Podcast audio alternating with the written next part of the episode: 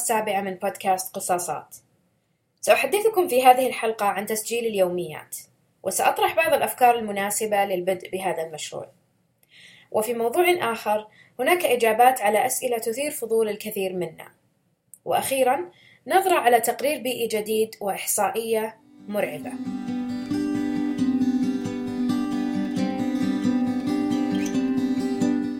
فكرة الموضوع الرئيسي لحلقة اليوم جاءت من حوار دار بيني وبين والدتي التي قررت مؤخرا كتابة يومياتها. هذا الحوار جعلني أفكر في شخص لم يسجل يومياته من قبل. ما هي النصائح والأفكار التي سيحتاجها للبدء بمثل هذه التجربة؟ بحثت على الإنترنت وجمعت بعض النصائح التي أجدها مفيدة حقا وسأضيف عليها بعض النقاط من تجربتي الشخصية. بدأت بتسجيل يومياتي بعمر العاشرة تقريبا. ومنذ ذلك الوقت لم أتوقف إلا لفترات قصيرة وعابرة. كتبت بطرق مختلفة لأهداف مختلفة تغيرت مع مرور الوقت. لكن القاسم المشترك بين كل هذه الكتابات أنني سجلت يومياتي للمتعة أولا. أنتم تكتبون يومياتكم ليست مثل كتابة عمل أدبي أو ورقة أكاديمية ستقيمون عليها.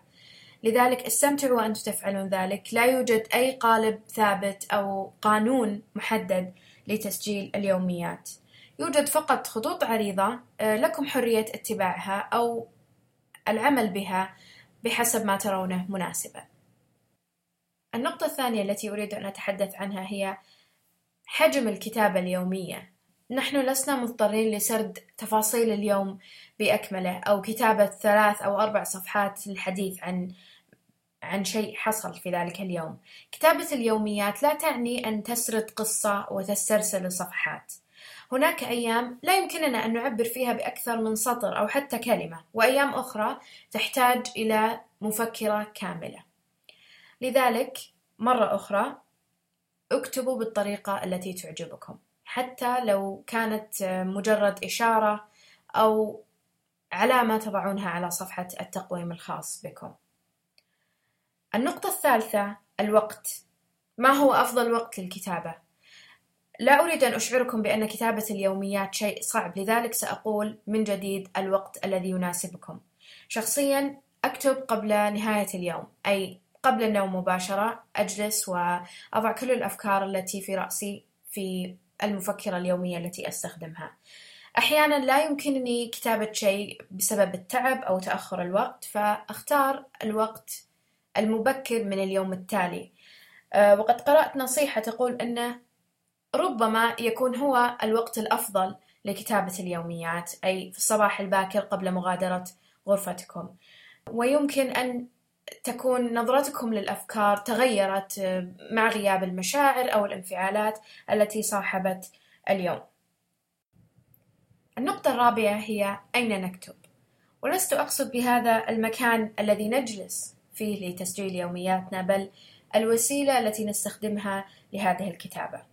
شخصيا أفضل استخدام مذكرة سنوية حجمها مناسب سهلة الحمل وتحمل صفحاتها تواريخ الأيام في في أعلاها وبعض التفاصيل في بداية المذكرة ونهايتها. حجم الملائم بالنسبة لي هو A5 أي ما يعادل 13 في 21 سنتيمتر. لكن بالنسبة لكم اختاروا المذكرة سهلة الحمل أو آه التي ترتبط بتفاصيل تحبونها في حياتكم تتحمل الكتابة بأقلام مختلفة سواء الحبر ناشف أو حبر سائل أو حتى أقلام الرصاص. اختاروا ما تحبونه ويشجعكم على تسجيل اليوميات. إذا كانت المذكرة صعبة الحمل ستجدون أنكم تسافرون أو تتنقلون وتتركونها وراءكم. إذا كانت مساحة الكتابة فيها صغيرة ستقيدكم في تسجيل اليوميات وتتوقفون عند حد معين كان من الممكن لكم تجاوزه. هناك أيضا من يحب استخدام المذكرات الإلكترونية ولها تطبيقات كثيرة على الهاتف النقال أو على جهاز الكمبيوتر.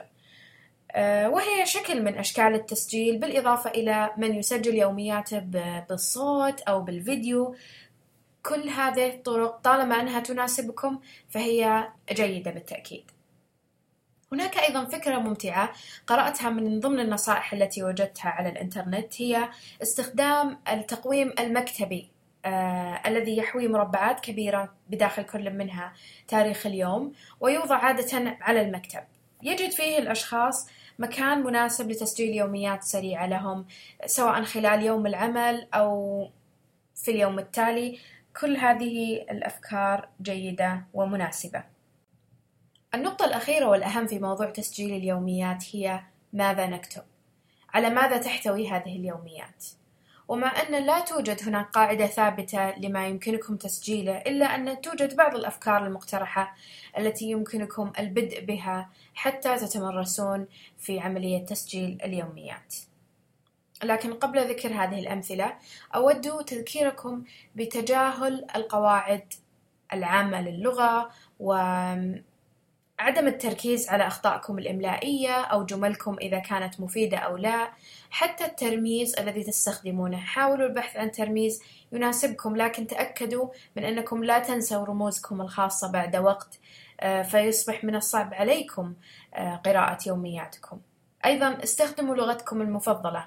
أحيانا آه، يمكنكم الكتابة بالعربية أو الإنجليزية أو أي لغة ثانية تجيدونها بحسب ما يقتضيه آه، ذلك اليوم ومشاعركم خلاله. أول أمثلة محتويات اليوميات هي تفاصيل اليوم وهي الأبسط والأسهل بالنسبة لكثير من الأشخاص الذين يدونون يومياتهم وأستخدمها في جزء كبير من الوقت. إذا خرجت من المنزل ذهبت إلى مكان أعجبني قابلت شخص مهم. كل هذه التفاصيل تعتبر من ضمن يومياتي فأسجلها. نوع آخر من المحتويات هو الأهداف. حددوا أهداف يومية قصيرة المدى أو أهداف بعيدة المدى. وسجلوها على شكل يوميات. ثم عودوا إليها لوضع تفاصيل إضافية. مثلا حققت هذا الهدف آه، فشلت في تحقيقه ما زال العمل جاري عليه وهكذا. هناك أشخاص يسجلون يومياتهم آه، من خلال الاقتباسات التي يحبونها من الكتب. تصبح آه، يومياتهم عبارة عن اقتباسات من كتب أو حتى قراءات ومراجعات لكتب آه، أحبوها. البعض يسجل آه، مواقع إلكترونية لا يحتفظ بها في مفضلة الجهاز مثلا. آه، يحبون تدوينها في مفكرة شخصية. أيضا الأفلام السينمائية التي يشاهدونها هناك أشخاص يحبون كتابة مراجعات شخصية لأفلام يحبونها يعيدون, مشاهدتها مستقبلا أو ينصحون بها الآخرين. لائحة مشتريات منتظرة تنسيقات للملابس. أي شيء تفكرون فيه في تفاصيل يومكم ممكن أن يتحول حتى هوس خاص لديكم أو حتى هواية ممكن أن تتحول آه، لمذكرات يومية إذا كنتم تحبون الكتابة عنها. تذكرت أيضا نمط من أنماط تسجيل اليوميات نصحتني به مديرتي في إحدى الوظائف التي عملت بها وهي تسجيل الأعمال التي أقوم بها يوميا أو الأنشطة التي تطلبها مني خاصة في الفترة التي كنت فيها متدربة ولم أحصل على عقد رسمي كانت هذه الفكرة جدا مفيدة ولم أتخلى عنها طوال فترة العمل ما حصل أن في وقت التقييم السنوي خاص بالموظفين يكون لديكم نظرة شاملة على كل الأعمال التي قمتم بها ويمكن إذا لم يعجبكم التقييم الذي حصلتوا عليه أو احتجتم في ظرف ما لذكر الإنجازات التي قمتم بها خلال العمل يمكنكم العودة إلى هذه المفكرة. هناك أيضا فكرة جيدة للمعلمين والمعلمات. آه، إلى جانب دفتر تحضير الدروس يحتفظون بسجل يومي يكتبون فيه المشاكل التي يمرون فيها خلال خلال تدريس فصل معين.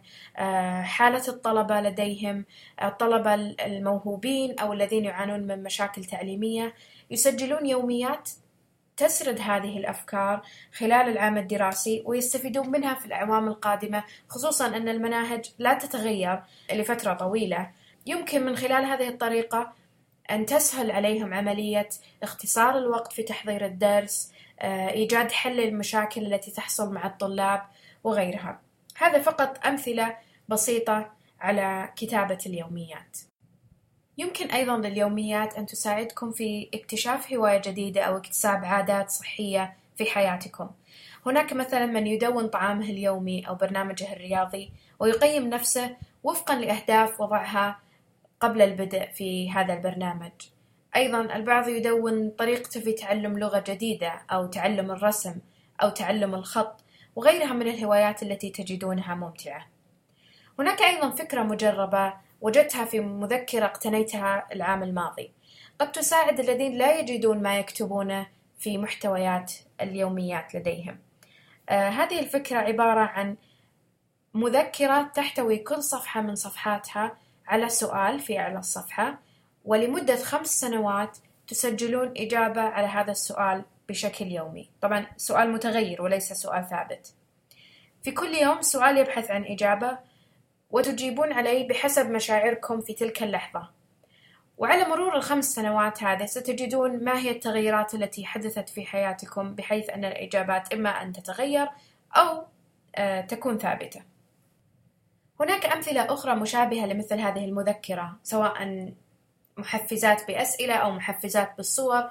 في كل صفحة من صفحات السنة ستجدون شيء يساعدكم على الكتابة. إذا بحثتم على الإنترنت ستجدون الكثير منها لكنها للأسف غالبا باللغة الإنجليزية. لو كان لديكم أمثلة عربية أتمنى أن تضيفوها لي في تعليقات الحلقة.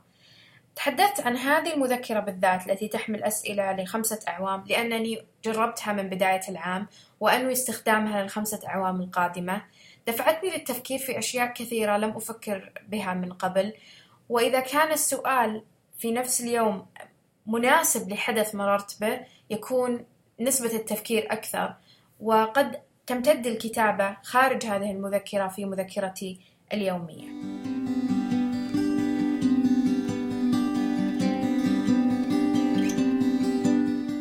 الآن بعد كل هذا الحديث عن تسجيل اليوميات، هل ما زلتم تجدون فيها صعوبة؟ إذا كانت إجابتكم نعم، أقترح عليكم البدء بتدوين مذكرات أسبوعية وشهرية. إذا وجدتم راحة في هذه الفكرة، استمروا عليها.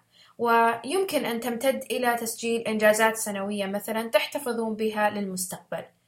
مع الوقت إذا كانت هذه الفكرة مناسبة لكم لما لا تحتفظون بها؟ أجد أن تسجيل مذكرات أسبوعية أفضل من لا شيء.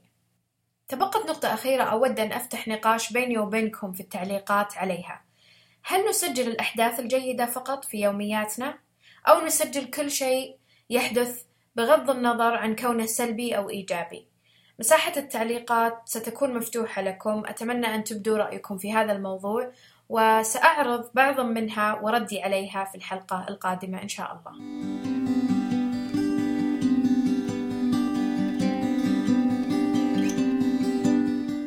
عدد سبتمبر الماضي من مجلة ريدرز دايجست والذي خصص الحديث عن العبقرية وعن جمال العقل البشري قرأت مقالة فيها إجابات على أسئلة دائما تثير فضولنا لكننا إما أننا لا نبحث عن إجابة أو نظن أننا نعرف الإجابة الصحيحة عليها اخترت من هذه الأسئلة ثلاثة سأقرأ عليكم إجاباتها الآن السؤال الأول كان لماذا تفتقر أغذية الرحلات الجوية للطعم الجيد؟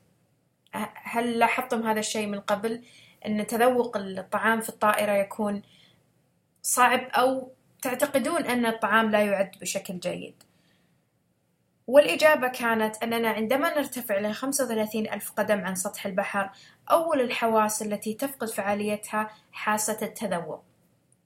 من ضمن الإجابة كان التحدث عن تجربة قام بها مجموعة من الباحثين الألمان حيث جربوا محاكاة مقصورة الطائرة وتذوق الطعام داخل هذه المقصورة الافتراضية.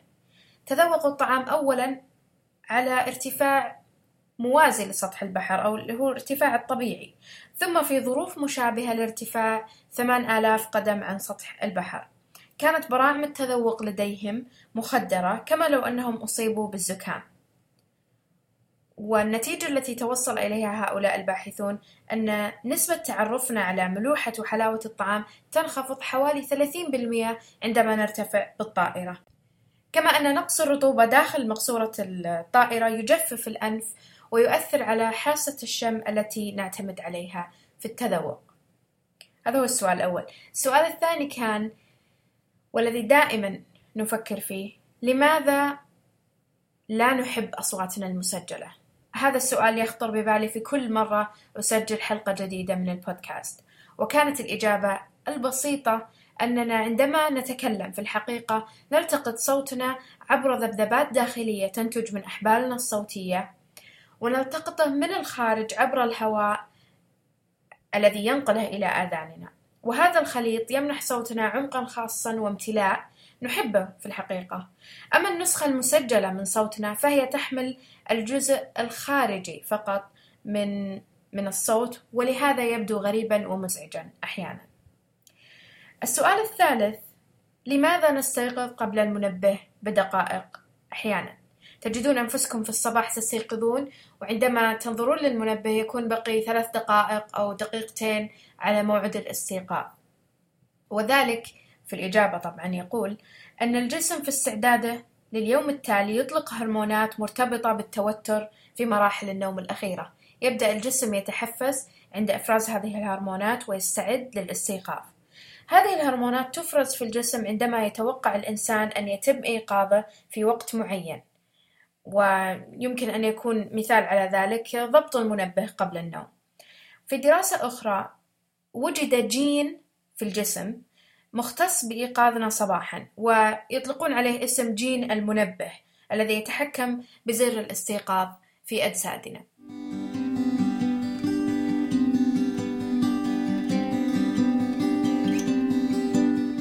قرأت خلال الأسبوع الماضي إحصائية جديدة وتقرير مصاحب لها صدر عن الصندوق العالمي لصون الطبيعة أو ما يعرف بالإنجليزية ب WWF جاء في هذا التقرير أرقام مفزعة عن تناقص الحياة على الكرة الأرضية بمقدار خمسين بالمئة خلال الأربعة عقود الماضية. وما يقصد بالحياة هو الحياة البرية والنباتات والموارد التي سيعيش عليها البشر خلال السنوات القادمة. في التقرير كثير من الأرقام التي أتذكرها ولا أتذكرها لكن أكثر ما لفت انتباهي هو أن الكائنات الحية في المياه العذبة تناقصت بمعدل 75% خلال الأربعين سنة الماضية. من وقت عمل هذه الإحصائية هو 1970 وفي التقرير أيضا تفاصيل كثيرة عن أثر الإنسان على الأرض واستهلاكه للموارد والبصمة التي يتركها خلفه في كل بيئة يعيش فيها. في التقرير إلى جانب هذه الإحصائيات والأرقام المخيفة جزء يبعث على التفاؤل آه، يعطينا فكرة كيف يمكننا أن نساعد في وقف هذا التراجع في الموارد يعطينا فكرة لماذا يجب علينا أن نهتم وسأترك لكم رابط للتقرير آه، بحيث يمكنكم الاطلاع عليه. قبل أن أنتهي من الحديث حول هذا التقرير والحديث في الحلقة عموما أريد أن أخبركم بمعلومة جديدة كليا مررت بها وأنا أقرأ آه، هذه الإحصائيات كانت مرتبطة بانقراض الذئاب في بريطانيا. لم أكن أعرف أن آخر ذئب في بريطانيا قتل بالرصاص في العام 1680 تخيلوا لحوالي 400 سنة لا يوجد ذئاب في بريطانيا. بحثت أكثر في الموضوع وجدت في ويكيبيديا الموسوعة القصة كاملة وفي نفس القصة تحدثت الموسوعة عن محاولات إعادة الذئاب للجزيرة أو إعادة توطينهم في الجزيرة. في العام 1999 اقترح مارتن غورمان وهو أستاذ علم الحيوان في جامعة أبردين ورئيس الجمعية البريطانية للثدييات إعادة توطين الذئاب في الريف الإنجليزي ومرتفعات اسكتلندا. السبب الرئيسي وراء هذا الاقتراح هو التعامل مع الدمار الذي خلفته الأعداد الهائلة من الغزلان الحمراء على الغابات البريطانية. وجود الذئاب سيقلل من عدد هذه الغزلان ويصنع توازن في البيئة البريطانية إن حدث لكن واجه مارتن غورمان الكثير من المعارضة من رعاة الماشية الذين تسببوا بوضع اقتراحه على الرف وتأجيله لوقت لاحق. أعيد الاقتراح من جديد في عام 2002 من قبل مالك أراضي ثري اقترح توطين حيوان الوشق إلى جانب الذئاب وذلك لنفس الأسباب التي عرضها مارتن. لم ينفذ الطلب أيضا. ومن جديد أعيد تقديمه مستقبلا في العام 2007 من قبل مجموعة من العلماء البريطانيين والنرويجيين. رأوا أن إعادة توطين الذئاب ستحد من الأثر الذي تتركه الغزلان الحمراء في الغابات وستنعش النباتات والطيور التي اختفت بسبب تغذي هذه الغزلان على الغابات. التفاعل الشعبي يزداد هناك كثير من الناس لديهم فكرة إيجابية عن إعادة الذئاب لبريطانيا، لكنهم يصطدمون مع رعاة الماشية الذين قد يصلون إلى تسوية مع الحكومة في حال وافقت على تعويضهم على حيواناتهم التي سيفقدونها بافتراس الذئاب لها. لا أعرف نهاية لهذه القصة لكنها قصة عجيبة بالتأكيد.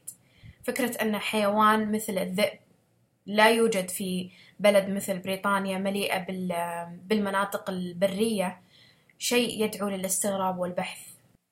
هذا كل ما لدي لحلقة اليوم. أتمنى منكم ترك رأيكم على ما طرحته في حلقة اليوم في مساحة التعليقات. شكرا لاستماعكم وإلى اللقاء.